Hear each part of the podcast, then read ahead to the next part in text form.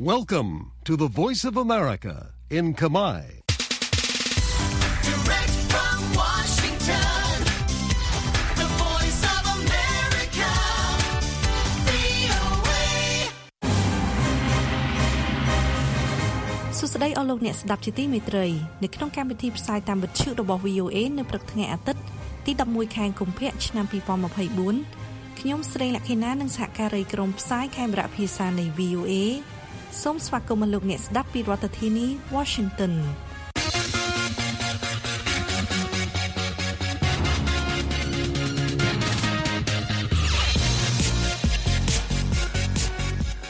នៅក្នុងការផ្សាយរបស់ VOA ជាបន្តបន្ទាប់ទៅនេះយើងមានសេចក្តីរាយការណ៍អំពីវីដេអូคล้ายៗ Deepfake បង្កើតដោយបច្ចេកវិទ្យាបញ្ញាសិប្បនិម្មិត AI គម្រាមកំហែងដល់ការបោះឆ្នោតនៅទូទាំងពិភពលោកអ៊ីស្រាអែលបដិសេធសំណើរបស់ Hamas ដោយហៅសំណើនោះថាស្រមើស្រមៃនិងបទសម្ភាសន៍ VOA ជាមួយអ្នកស្រីយឹមសុធារីអំពីការដឹកនាំមជ្ឈមណ្ឌលស្នេហាក្នុងការប្រឹក្សាយោបល់ផ្នែកសុខភាពផ្លូវចិត្តតទៅទៀតនេះសូមលោកអ្នកនាងស្ដាប់សេចក្តីរាយការណ៍និងបទសម្ភាសន៍នេះដូចតទៅ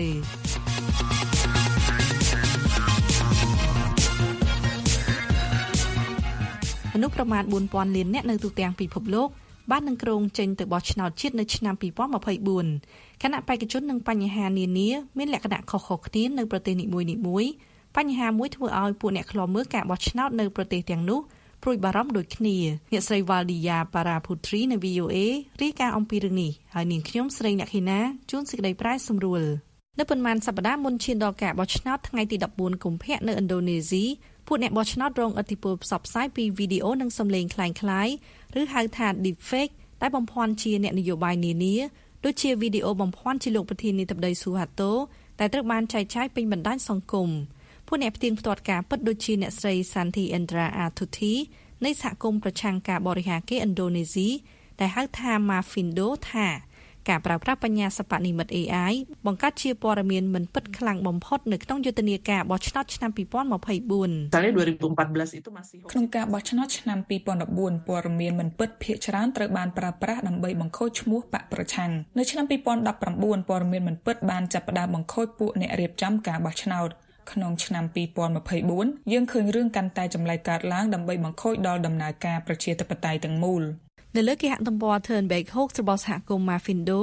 មានបង្ហាញពីសន្ទនាតាមទូរស័ព្ទដែលលោកស្រី Megawati Sukarno Putri នៃគណៈបក Indonesian Democratic Party of Struggle ប្រមានខ្លាំងខ្លាំងដល់បេក្ខជនប្រធានាធិបតីលោក Ganjar Pranowo វីដេអូផ្សេងទៀតបំភាន់ថាបេក្ខជនប្រធានាធិបតីលោក Annie Baswedan និងលោក Prabowo Subianto និយាយភាសាអារ៉ាប់យ៉ាងស្ទាត់ដើម្បីទាក់ទាញពួកអ្នកបោះឆ្នោតមូស្លីមអ្នកស្រី Athuthi បានថ្លែងថា hoax itu kan bukan hanya dalam ខ្លាំងខ្លាយមិនមែនគ្រាន់តែបង្ខូចឈ្មោះគូប្រជែងទេថែមទាំងចង់បំភ្លឺការពិតដល់បេក្ខជនដែលពួកគេចូលចិត្តអាមេរិកទើបចាប់ផ្ដើមការបោះឆ្នោតបឋមមុនឈានដល់ការបោះឆ្នោតជាតិនៅខែវិច្ឆិកាហើយ AI កំពុងបង្កជាបញ្ហារួចទៅហើយនៅក្នុងការហៅទូរស័ព្ទខ្លាំងខ្លាយឬ robocall មួយគេលើលោកប្រធានាធិបតី Biden ជំរុញឲ្យពួកគណៈបកប្រជាធិបតេយ្យនៅផ្ទះកុំចេញទៅបោះឆ្នោត។ អ្នកស្រី Lindsay Gorman អ្នកជំនាញផ្នែកបច្ចេកវិទ្យានៃមូលនិធិ German Marshall Fund ថ្លែងថា um, AI generated media from robocalls to deepfake audio. ប្រព័ន្ធផ្សព្វផ្សាយបង្កើតឡើងដោយ AI រួមមាន robocalls នៅក្នុងការបោះឆ្នោតសឹងតែទាំងអស់ដែលយើងឃើញនៅចុងឆ្នាំ2023និង2024នេះដូច្នេះខ្ញុំគិតថាវាក្លាយជាបទដ្ឋានថ្មីមួយសម្រាប់បរិយាកាសនយោបាយនិងបោះឆ្នោត អ្នកបោះឆ្នោតភាគច្រើនដែលនិយាយជាមួយ VOA ថាពួកគេមិនអាចមើលដឹងថាមួយណាពិតមួយណាខ្លាំងខ្លាយនោះទេ អ្នកស្រី Shea Hooper អ្នកបោះឆ្នោតអាមេរិកម្នាក់ថ្លែងថាយើងគ្រាន់តែសង្ឃឹមថាស្ថាប័នព័ត៌មាននានាអាចប្រាប់យើងថាអ្វីទៅពិតអ្វីទៅខ្លាំងខ្លាយលោក Felipe Villegas អ្នកបោះឆ្នោតអាមេរិកម្នាក់ទៀតថ្លែងថាមានមនុស្សគ្រប់ប្រភេទដែលបង្កើតរឿងទាំងនោះដែលធ្វើឲ្យវាសឹងតែមិនអាចបញ្ឈប់បាន រដ្ឋាភិបាលអាមេរិកកំពុងដាក់ការការពារលោកប្រធានាធិបតី Biden បានចុះហត្ថលេខាលើបទបញ្ជាប្រធានាធិបតីកាលពីខែតុលាដើម្បីជំរុញទីភ្នាក់ងាររដ្ឋាភិបាលឲ្យចេញការណែនាំដើម្បីការពារអ្នកប្រើប្រាស់ពីព័ត៌មានคล้ายៗបង្កើតដោយ AI ប៉ុន្តែអ្នកស្រី Lindsay Gorman នៃមូលនិធិ German Marshall Fund ថាវិធានការនោះមិនទាន់មានប្រសិទ្ធភាពនោះទេ Right now, there is no requirement that actually we have to ឥឡូវមិនមានការតម្រូវឲ្យដាក់ស្លាកមេតិកាណាមួយថាបង្កើតឡើងដោយ AI ទេទោះប្រើប្រាស់សម្រាប់យុទ្ធនាការបោះឆ្នោតក៏ដោយក្តីក្រុមហ៊ុន AI ឈ្មោះ Deep Media ដែលជាប់កងត្រាជាមួយក្រសួងការពារជាតិអាមេរិកដើម្បីចាប់វីដេអូ Deepfake បានប៉ាន់ប្រមាណថាវីដេអូនិងសំឡេង Deepfake កន្លះលានត្រូវបានចែកចាយនៅទូទាំងសកលលោកនៅឆ្នាំ2023អ្នកវិភាគព្រួយថាវានឹងកើនឡើងនៅក្នុងឆ្នាំបោះឆ្នោតនេះ ពីរដ្ឋធានី Washington ខ្ញុំស្រីលក្ខិណា VOA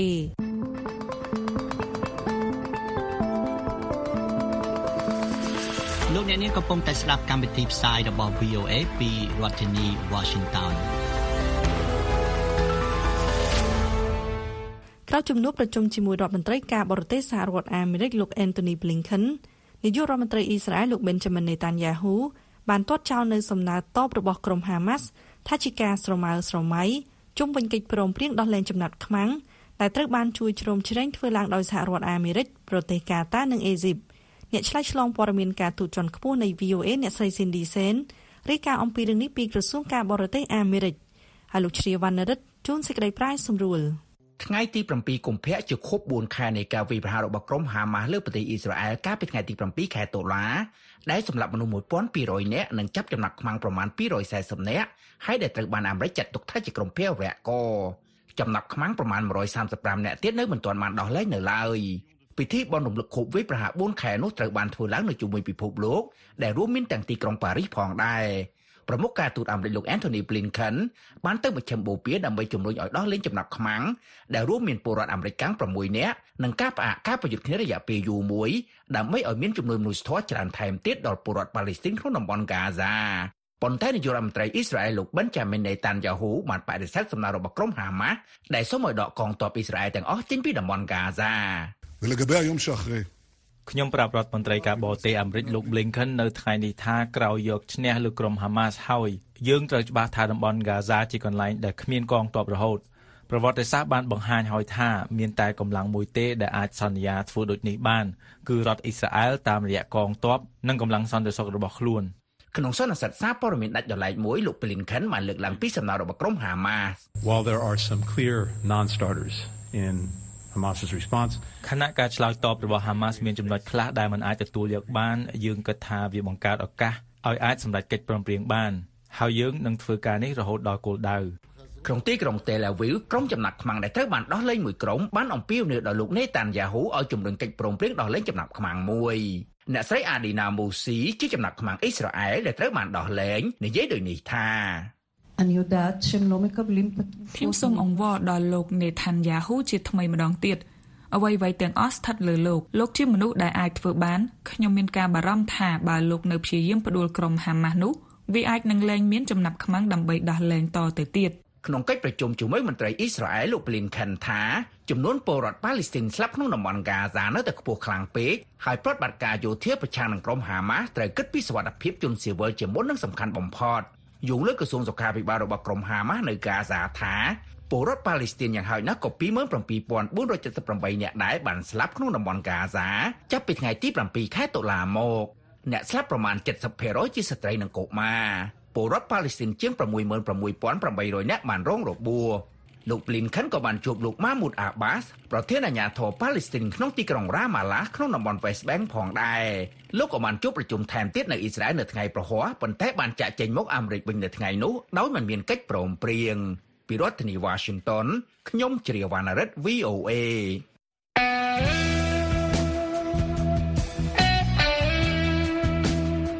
សួស្តីអស់លោកអ្នកនាងជាទីមេត្រី VOA មានកម្មវិធី Hello VOA ពីរលើកក្នុងមួយសប្តាហ៍គឺនៅយប់ថ្ងៃច័ន្ទនិងយប់ថ្ងៃប្រហ័សយើងខ្ញុំអញ្ជើញវាគ្មិននិងអ្នកជំនាញការនានាមកពិភាក្សាអំពីបញ្ហាផ្សេងផ្សេងៗរួមមាននយោបាយសិទ្ធិមនុស្សការរំលោភដីធ្លីនិងបញ្ហាសុខភាពបើលោកអ្នកនាងខកខានមិនបានស្ដាប់កម្មវិធី Hello VOA តាមការផ្សាយបន្តផ្ទាល់របស់យើងលោកអ្នកនាងអាចចូលទៅក្នុងគេហទំព័រ VOA khmer.voanews.com ហើយចុចលើពាក្យ Hello VOA ដែលស្ថិតនៅផ្នែកខាងក្រោមបំផុតដើម្បីស្ដាប់កម្មវិធីនេះឡើងវិញ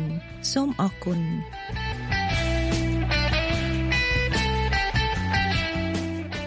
អ្នកស្រីយឹមសុធារីគឺជាអ្នកជំនាញផ្នែកចិត្តសាស្ត្រនិងជានាយិកាមជ្ឈមណ្ឌលស្នេហាតាំងពីកុមារភាពមកអ្នកស្រីតែងមានក្តីសុបិនធ្វើជាអ្នកព្យាបាលប៉ុន្តែក្តីសុបិននោះមានឧបសគ្គច្រើនដោយសារតែជីវភាពគ្រួសារក្រោយមកដោយសារតែការខិតខំប្រឹងប្រែងអ្នកស្រីបានសម្រេចក្តីសុបិនរបស់ខ្លួន ដោយធ្វើជាអ្នកប្រឹក្សាផ្លូវចិត្តហើយជាពិសេសបានបង្កើតមជ្ឈមណ្ឌលស្នេហាដែលជាកន្លែងប្រឹក្សាយោបល់និងព្យាបាលបញ្ហាផ្លូវចិត្តអ្នកស្រីបានលើកឡើងនៅក្នុងបទសម្ភាសន៍ជាមួយអ្នកនាងកាន់វិជ្ជការនៃ VOA ថានៅពេលដែលស្ត្រីថែរក្សាផ្លូវចិត្តបានល្អនោះនឹងជួយឲ្យការដឹកនាំរបស់ស្ត្រីកាន់តែប្រសើរសូមលោកអ្នកនាងស្ដាប់បទសម្ភាសន៍នេះដូចតទៅសូមជម្រាបសួរអ្នកស្រីយឹមសុធារី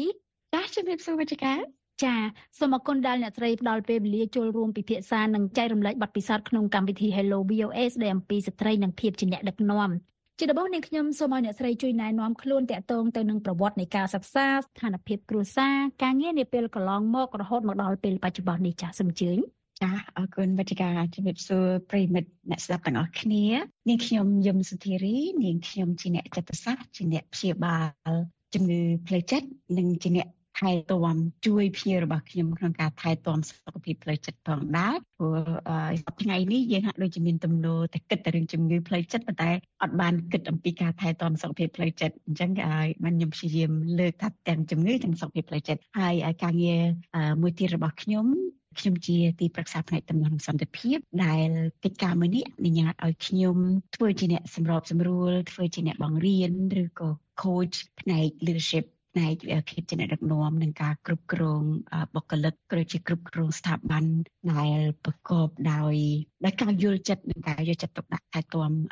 សុខភាពរបស់ខ្លួនដើម្បីប្រសិទ្ធផលរបស់ក្រុមហើយនេះខ្ញុំជានាយិកានៃមជ្ឈមណ្ឌលស្នេហាចា៎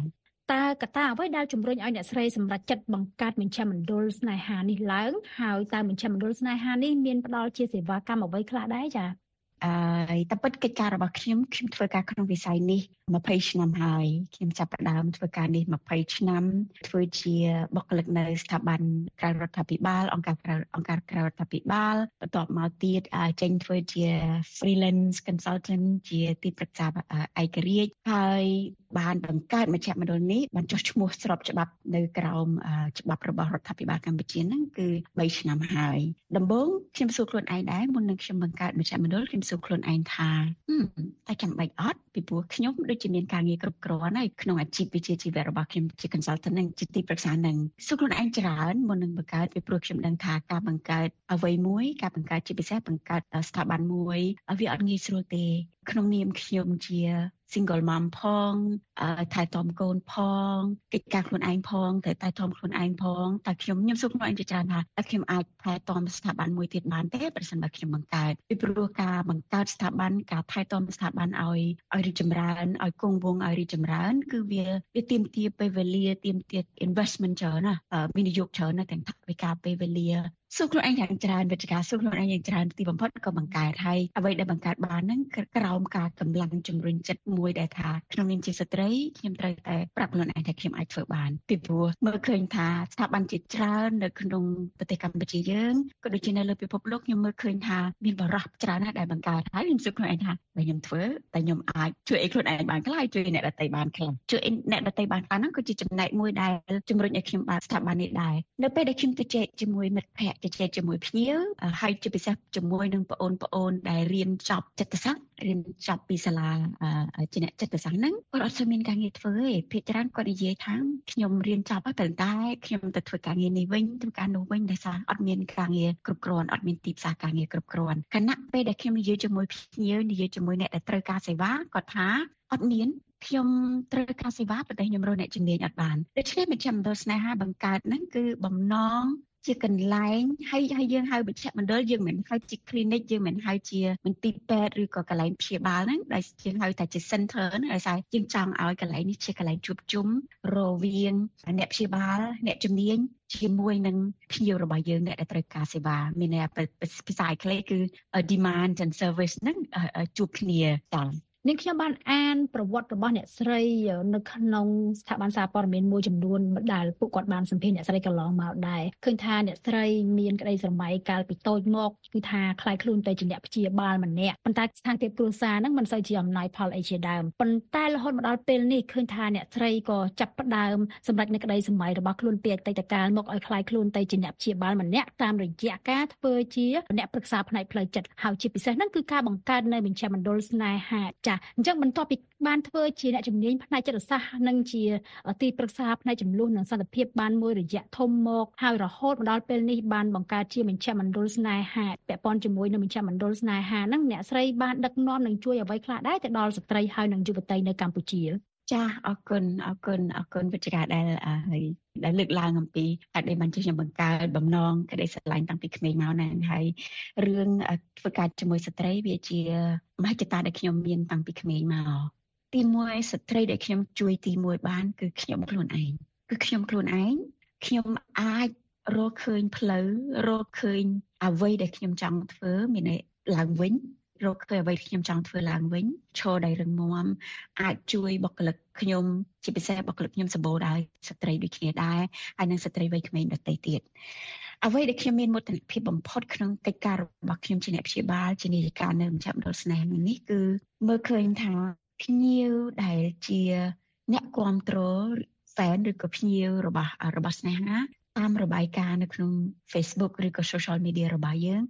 70%ជាស្ត្រី ក្នុងចំណោម70%ហ្នឹងមានប្រហែលជា65ទៅ70%ជាស្ត្រីដែលស្ថិតនៅក្នុងចន្លោះវ័យ18ទៅ35ឆ្នាំហើយខ្ញុំមោទនភាពមែនតើពីព្រោះវ័យនេះជាវ័យដែលខ្ញុំកាលពីចន្លោះខ្ញុំអាយុ18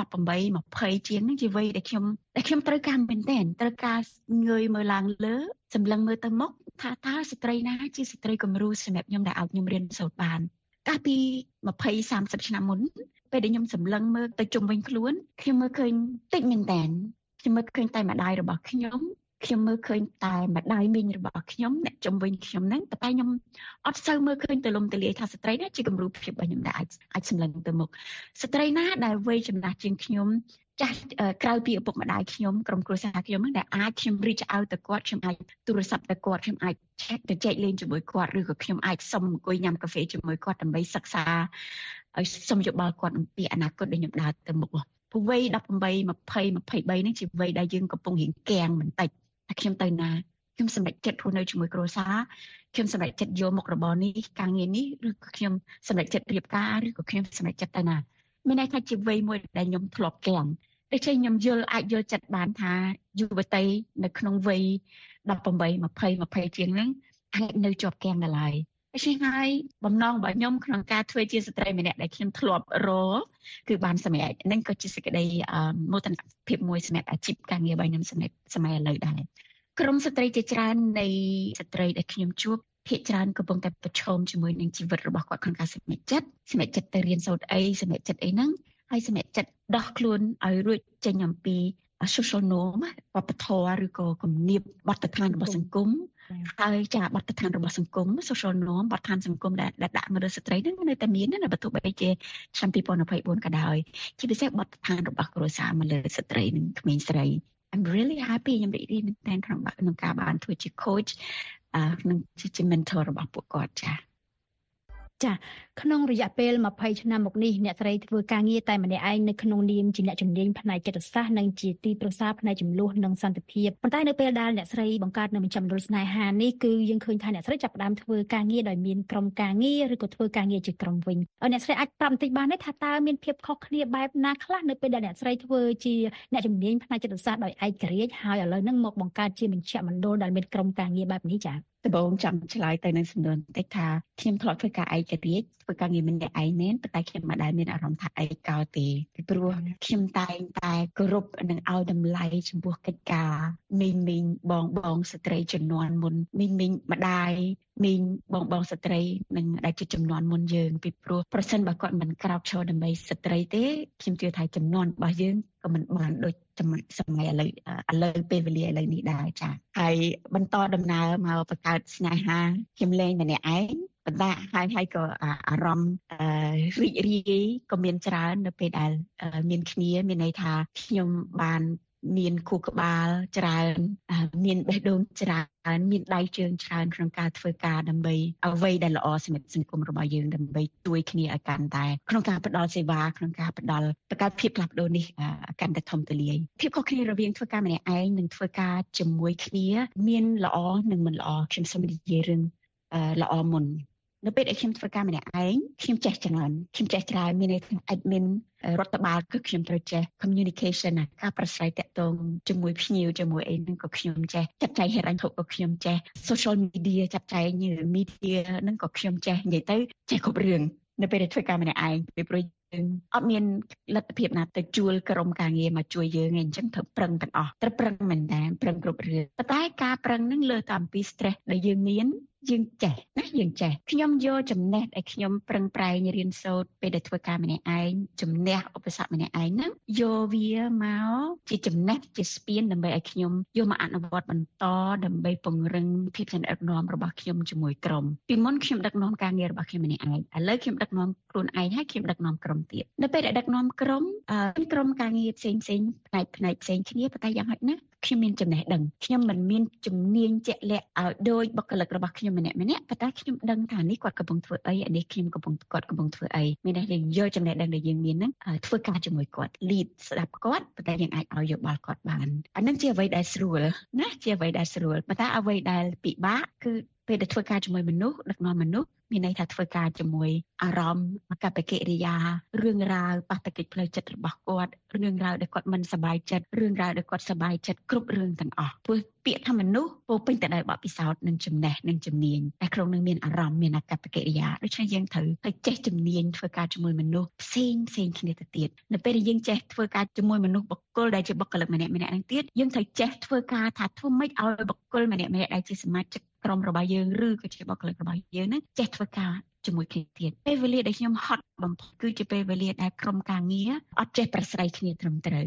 អត់ចេះនិយាយគ្នាឲ្យត្រឹមត្រូវនៅពេលដែលបុគ្គលិកនិយាយមិនល្អពីគ្នាតិចតួចឬក៏បុគ្គលិកគាត់ហាក់ដូចជាមិនពេញចិត្តរបៀបធ្វើការជាមួយគ្នាតិចតួចហើយគាត់អត់និយាយគ្នាហ្នឹងជាពេលវេលាមួយដែលខ្ញុំហត់ខ្ញុំហត់ជាងខ្ញុំទៅធ្វើការទៀតនៅពេលដែលខ្ញុំឃើញបុគ្គលិករបស់ខ្ញុំមានសញ្ញាតូចមួយថាអូពួកគាត់កំពុងតែរៀងចំណែនគ្នាបន្តិចពួកគាត់កំពុងតែអត់សូវត្រូវគ្នាបន្តិចពួកគាត់អីបន្តិចអញ្ចឹងតែ សម្រាប់ខ្ញុំដោយសារខ្ញុំសេវាកម្មមួយរបស់យើងគឺផ្ដល់សេវាបែបនេះទៅកាន់ leader ទៅកាន់អ្នកដឹកនាំផ្សេងផ្សេងគឺខ្ញុំងាយមើលឃើញងាយយល់ហើយខ្ញុំងាយឲ្យជួសជុលខ្ញុំងាយជួសជុលចា៎ ចាអញ្ចឹងពាក់ព័ន្ធជាមួយនឹងបញ្ហាដែលអ្នកស្រីបានលើកឡើង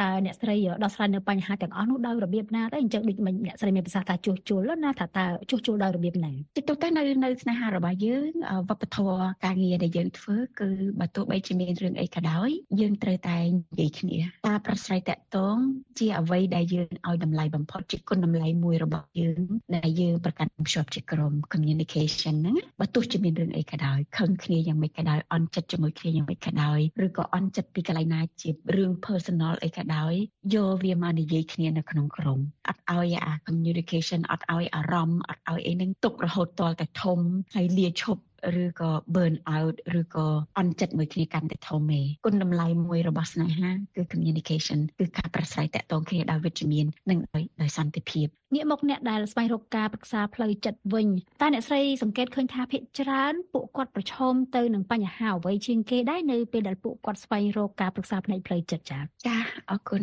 វិទ្យាភាគច្រើននៃភ្ញៀវរបស់យើងគឺមកដោយសញ្ញាធ្លាក់ទឹកចិត្តមានសញ្ញាធ្លាក់ទឹកចិត្តនិងសញ្ញាថប់បារម្ភដែលនៅក្នុងនោះដោយសារខ្ញុំមានជំនាញខ្ញុំជាអ្នកព្យាបាលការបាតុកិច្ចផ្លូវចិត្តខ្ញុំតែងតែមើលឃើញសញ្ញាការថប់បារម្ភឬក៏ការធ្លាក់ទឹកចិត្តរបស់ភ្ញៀវរបស់ខ្ញុំហ្នឹងមានដំណល់ភ្ជាប់ទៅនឹងការបាតុកិច្ចផ្លូវចិត្តឬរបួសផ្លូវចិត្តតាំងពីកុមារភាពមកខ្ញុំគ្រាន់តែជូនជាឧទាហរណ៍មួយសម្រាប់ភ្ញៀវដែលដែលមានសញ្ញា ថប់បារម្ភដែរមកគឺគាត់ភ័យព្រួយច្រើនគាត់ខ្វល់ខ្វាយច្រើនអំពីអនាគតបារម្ភច្រើនមែនតើក្នុងការព្យាបាលខ្ញុំជួយមានបច្ចេកទេសផ្សេងៗដែលនៅក្នុងនឹងមានសមាធិមានដង្ហើមមានអឺរបៀបផ្លាស់ប្ដូររបៀបគិតទៅជាវិជ្ជមានវិញជាច្រើនមែនតើនៅក្នុងនឹងមានមានមានមួយចំណែកគឺរឿងស្វែងរកការបាតុកិច្ចផ្លូវចិត្តហេតុអីបានជាគាត់គិតបែបនេះមានអារម្មណ៍បែបនេះនៅពេលដែលធ្វើការព្យាបាលរោគសញ្ញានាពេលបច្ចុប្បន្នដូចថប់បារម្ភព្រួយច្រើនភ័យ អីច្រើនហ្នឹងហាក់ដូចជាមើលឃើញថាអាហា ខ្ញុំរស់នៅក្រោមការរំពឹងទុកជាច្រើនអំពីគ្រួសារខ្ញុំពីឪពុករបស់ខ្ញុំពីប៉ាឬក៏ពីម៉ាក់ពីជីដូនរបស់ខ្ញុំថាខ្ញុំត្រូវតែរៀនឲ្យប្រកែបំផុតនៅក្នុងថ្នាក់ខ្ញុំត្រូវតែធ្វើជាមនុស្សបែបនេះមនុស្សជោគជ័យខ្ញុំត្រូវតែក្លាយជាអ្នកស្នងក្រុមហ៊ុនឬក៏ការងារនេះពីឪពុកខ្ញុំពីម្ដាយខ្ញុំអញ្ចឹងការរំពឹងទុកមួយពីគ្រួសារជានិច្ចកាលគឺជាសម្ពាធមួយដ៏ធំមែនទែនក្នុងការលូតលាស់របស់ក្មេងដល់ពេលគាត់ធំឡើងគាត់គាត់មានការរំពឹងទុកមួយចំពោះខ្លួនឯងឲ្យធ្វើអីតតែល្អតតែជោគជ័យតតែបានសម្រេចនឹងគ្រាន់តែជាឧទាហរណ៍តូចមួយនៅក្នុងការព្យាបាលដែលធំដែលទូលំទូលាយសម្រាប់ខ្ញុំឧទាហរណ៍ជូនមួយទៀតអំពីរឿងធ្លាក់ទឹកចិត្តនៅពេលដែលបុគ្គលម្នាក់ធ្លាក់ទឹកចិត្តជាសញ្ញាមិនចង់ជួបស្ដីនិយាយស្ដីមិនចង់ទៅធ្វើការមិនចង់ចេញក្រៅផ្ទះមានអារម្មណ៍ថាខ្លួនអារម្មណ៍របស់ខ្លួននឹងធ្លាក់ចុះរហូតអត់ទៀបរហូតមិនមិនចង់ធ្វើអីនេះជាសញ្ញាមួយសញ្ញាមួយនៅក្នុងសញ្ញាជាច្រើនរបស់ធ្លាក់ទឹកចិត្តនៅពេលដែលគាត់មកធ្វើការព្យាបាលសម្រាប់ខ្ញុំខ្ញុំត្រឡប់ទៅមើលបទពិសោធន៍ណាដែលស្រដៀងនឹងកាលពីក្មេងមកគឺ ភ្ញៀវរបស់ខ្ញុំដែលរងការធ្លាក់ទឹកចិត្តមានជំងឺធ្លាក់ទឹកចិត្តពេលបច្ចុប្បន្នខ្ញុំមើលឃើញថាមានប្រវត្តិឪពុកម្ដាយឆ្លោះគ្នា មានប្រវត្តិឪពុកម្ដាយប្រៀបធៀបខ្លួនឯងទៅកូនផ្សេងប្រៀបធៀបទៅអ្នកចិត្តខាងទៅបងប្អូនជីដូនមួយគាត់ប្រៀបធៀបឬក៏វាយដំលើរាងកាយដាក់សម្ពាធនៅលើផ្លូវចិត្តផ្សេងផ្សេងអីផ្សេងផ្សេងហ្នឹងអានឹងសុទ្ធតែជាសញ្ញាជំរុញឲ្យជារឹសជារឹសជំរុញឲ្យមានការធ្លាក់ទឹកចិត្តនាពេលបច្ចុប្បន្នដូច្នេះសម្រាប់ខ្ញុំ ការព្យាបាលសុខភាពផ្លូវចិត្តដែលខ្ញុំធ្វើគឺខ្ញុំព្យាបាលពីរឹសពីឫសគល់បើខ្ញុំអាចប្រៀបធៀបបានខ្ញុំប្រៀបធៀបទៅនឹងដើមឈើមួយដើម យើងមើលឃើញស្លឹកមែកផ្លែអាផ្លែនេះអត់សូវល្អផ្កាអត់សូវល្អស្លឹករិចរិចស្លឹកឆាប់ជ្រុះស្លឹកឆាប់អីចឹងមិនណាហ្នឹងជាអ្វីដែលយើងមើលឃើញតែប៉ិតដើម្បីព្យាបាលគឺដើម្បីឲ្យស្លឹកដើមនឹងល្អយើងទៅការព្យាបាលរបស់ខ្ញុំគឺខ្ញុំទៅមើលឫស តើឫសល្អឬណាជាឫសតោដែលគួរទៅចាក់ចាក់បន្ថែមជ្រួយដីបន្ថែមអញ្ចឹងនេះជាជាខ្ញុំអាចជាការដែលខ្ញុំអាចបញ្យល់បានអំពីវិធីព្យាបាលរបស់ខ្ញុំនៅដែលខ្ញុំធ្វើហើយបើត្រឡប់ទៅភ្ញៀវជាពិសេសភ្ញៀវស្ត្រីដែលខ្ញុំ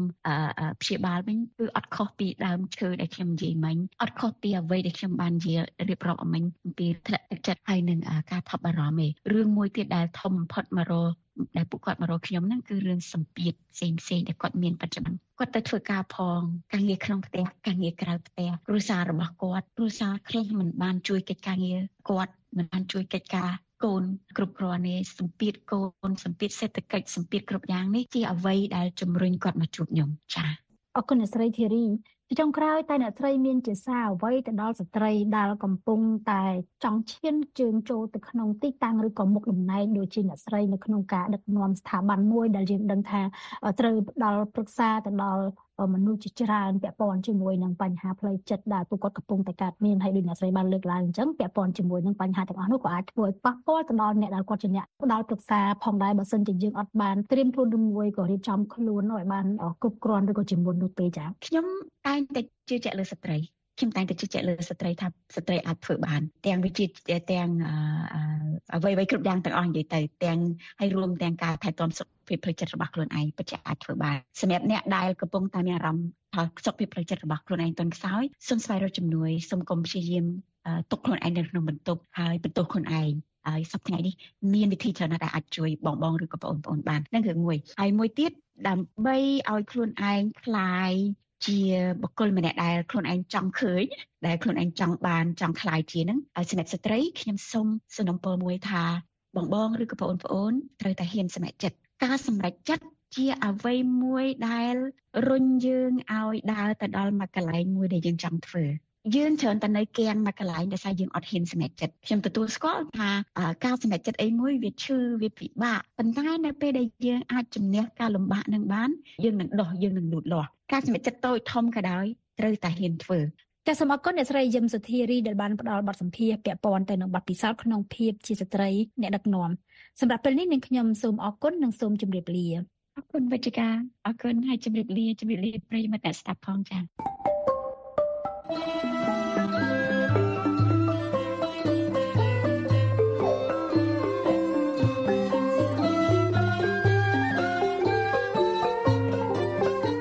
ផ្សាយរបស់ VOA នៅព្រឹកនេះចប់តែប៉ុណ្ណេះប៉ុន្តែលោកអ្នកនាងនឹងអាចស្ដាប់ឬអានព័ត៌មានរបស់ VOA ឡើងវិញបាន តាមរយៈគេហទំព័រ khmae.voanews.com សំលោកអ្នកនាងរងចាំស្ដាប់ការផ្សាយបន្តផ្ទាល់របស់យើងខ្ញុំនៅរាត្រីនេះពីម៉ោង8:30នាទីដល់ម៉ោង9:30នាទីតាមរលកវិទ្យុ 25m ត្រូវនឹងកម្រិត11695និង1575 kHz សូមលោកអ្នកនាងប្រកបដោយសុភមង្គលគ្រប់ប្រការ ạ.